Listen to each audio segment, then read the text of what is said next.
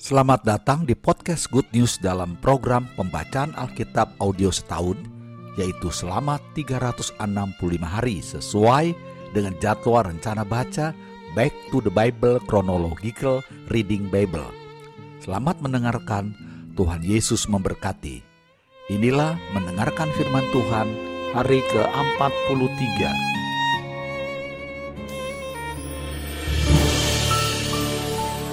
Keluaran pasal 39 ayat 1 sampai 31 membuat pakaian imam. Dari kain ungu tua, kain ungu muda dan kain kirmisi dibuat merekalah pakaian jabatan yang dipakai apabila diselenggarakan kebaktian di tempat kudus. Juga dibuat mereka pakaian-pakaian kudus untuk Harun, seperti yang diperintahkan Tuhan kepada Musa. Dibuatnyalah baju efod dari emas, kain ungu tua dan kain ungu muda, kain kirmisi dan lenan halus yang dipintal benangnya.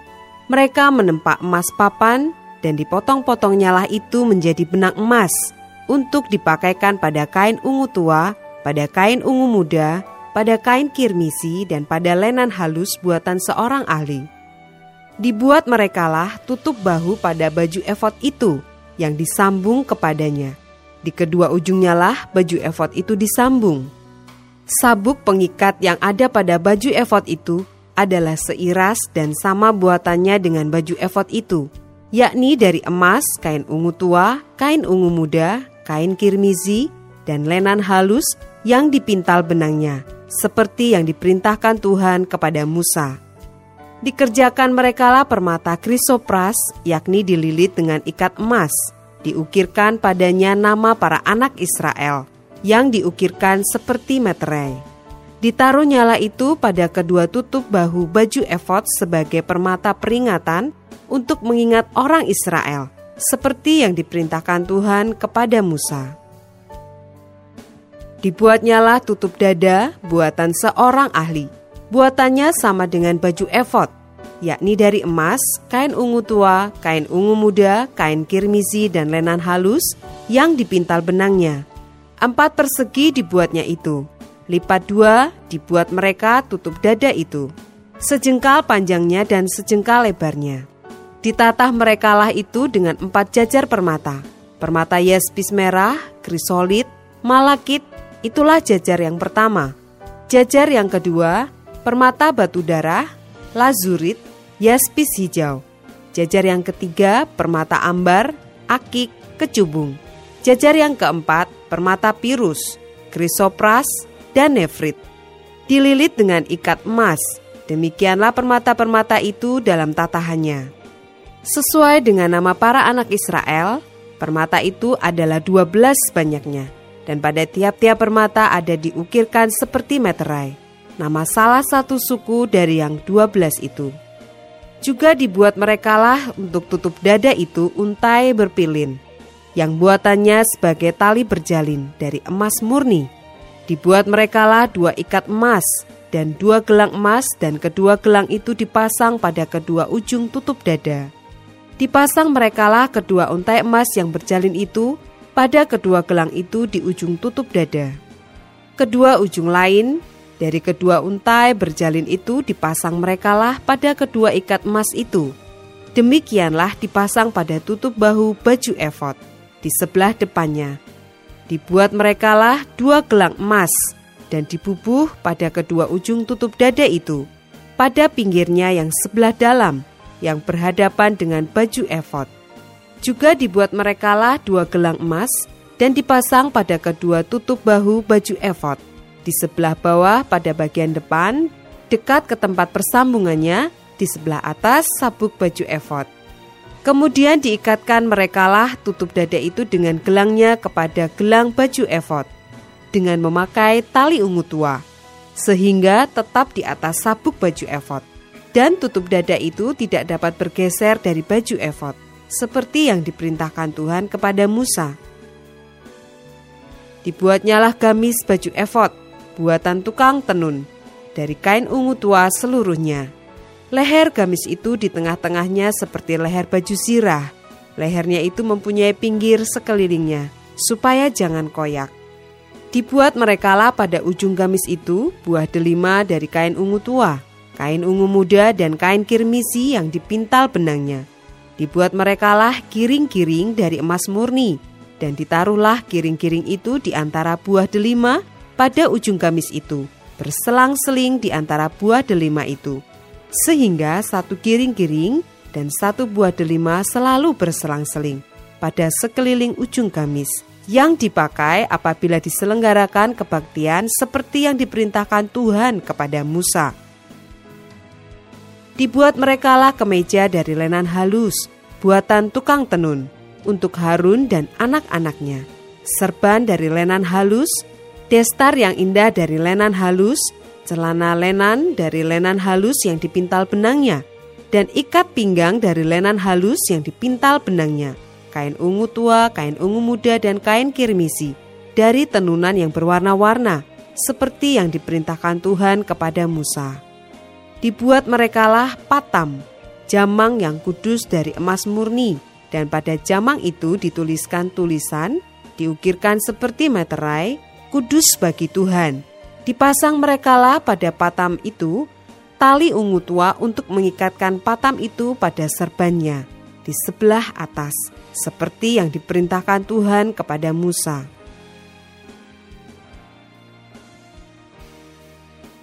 Ayat 32 sampai dengan 43. Pekerjaan itu diterima baik oleh Musa. Demikianlah diselesaikan segala pekerjaan melengkapi kemah suci, yakni kemah pertemuan itu. Orang Israel telah melakukannya tepat seperti yang diperintahkan Tuhan kepada Musa.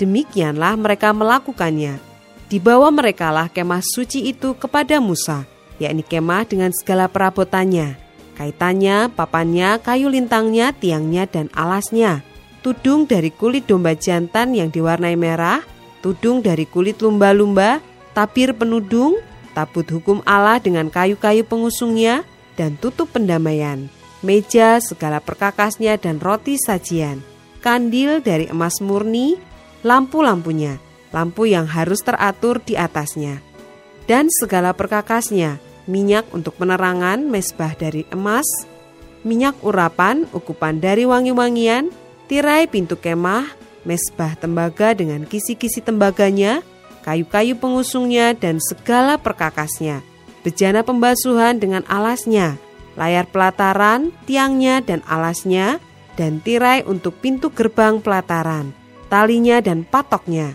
segala perkakas untuk pekerjaan mendirikan kemah suci, yakni kemah pertemuan itu, pakaian jabatan yang dipakai apabila diselenggarakan kebaktian di tempat kudus, pakaian kudus untuk Imam Harun, dan pakaian anak-anaknya untuk memegang jabatan imam. Tepat seperti yang diperintahkan Tuhan kepada Musa, demikianlah dilakukan orang Israel segala pekerjaan melengkapi itu. Dan Musa melihat segala pekerjaan itu, dan sesungguhnya lah mereka telah melakukannya seperti yang diperintahkan Tuhan. Demikianlah mereka melakukannya. Lalu Musa memberkati mereka.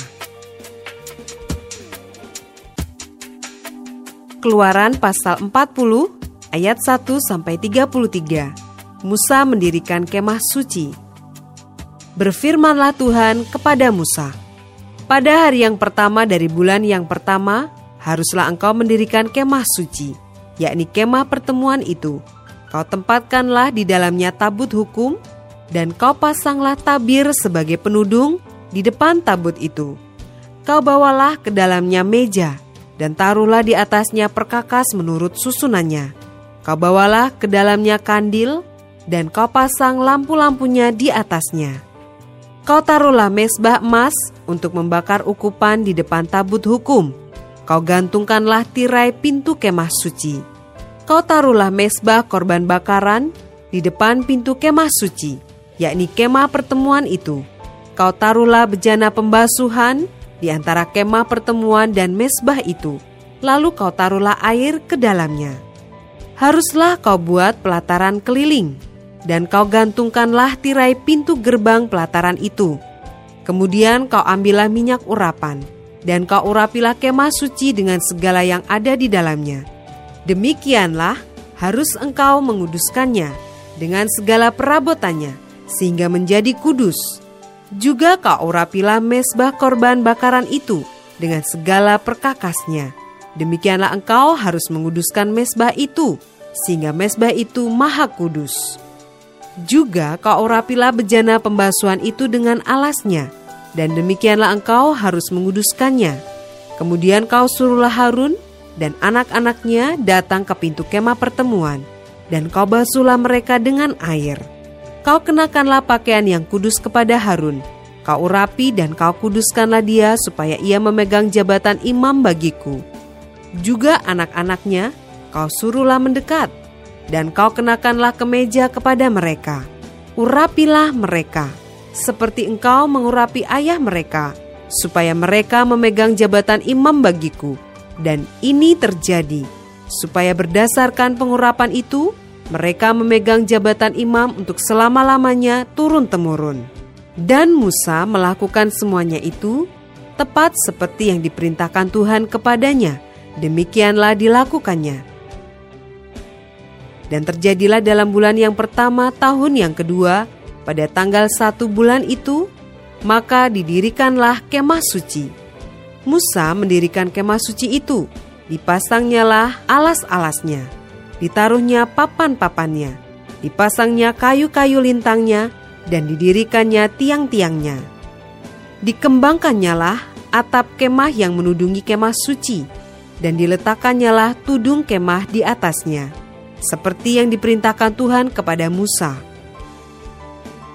Diambilnyalah loh hukum Allah dan ditaruhnya ke dalam tabut Dikenakannya kayu pengusung pada tabut itu dan diletakkannya tutup pendamaian di atas tabut itu. Dibawanya tabut itu ke dalam kemah suci. Digantungkannya tabir penudung dan dipasangnya sebagai penudung di depan tabut hukum Allah, seperti yang diperintahkan Tuhan kepada Musa. Ditaruhnyalah meja di dalam kemah pertemuan pada sisi kemah suci sebelah utara, di depan tabir itu Diletakkannya lah di atasnya roti sajian menurut susunannya di hadapan Tuhan, seperti yang diperintahkan Tuhan kepada Musa. Ditempatkannya lah kandil dalam kemah pertemuan berhadapan dengan meja itu, pada sisi kemah suci sebelah selatan. Dipasangnya lah lampu-lampu di atasnya di hadapan Tuhan, seperti yang diperintahkan Tuhan kepada Musa Ditempatkannya mesbah emas di dalam kemah pertemuan di depan tabir itu. Dipakarnyalah di atasnya ukupan dari wangi-wangian, seperti yang diperintahkan Tuhan kepada Musa. Digantungkannyalah tirai pintu kemah suci. Mesbah korban bakaran ditempatkannya di depan pintu kemah suci, yakni kemah pertemuan itu. Dan dipersembahkannyalah di atasnya korban bakaran dan korban sajian seperti yang diperintahkan Tuhan kepada Musa. Ditempatkannya lah bejana pembasuhan di antara kemah pertemuan dan mesbah itu, lalu ditaruhnyalah air ke dalamnya untuk pembasuhan. Musa dan Harun serta anak-anaknya membasuh tangan dan kaki mereka dengan air dari dalamnya. Apabila mereka masuk ke dalam kemah pertemuan, dan apabila mereka datang mendekat kepada mesbah itu, maka mereka membasuh kaki dan tangan, seperti yang diperintahkan Tuhan kepada Musa. Didirikannya tiang-tiang pelataran sekeliling kemah suci dan mesbah itu, dan digantungkannya tirai pintu gerbang pelataran itu. Demikianlah diselesaikan Musa pekerjaan itu.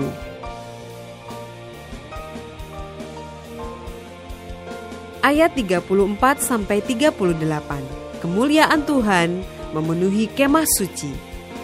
Lalu awan itu menutupi kemah pertemuan dan kemuliaan Tuhan memenuhi kemah suci sehingga Musa tidak dapat memasuki kemah pertemuan sebab awan itu hinggap di atas kemah itu dan kemuliaan Tuhan memenuhi kemah suci.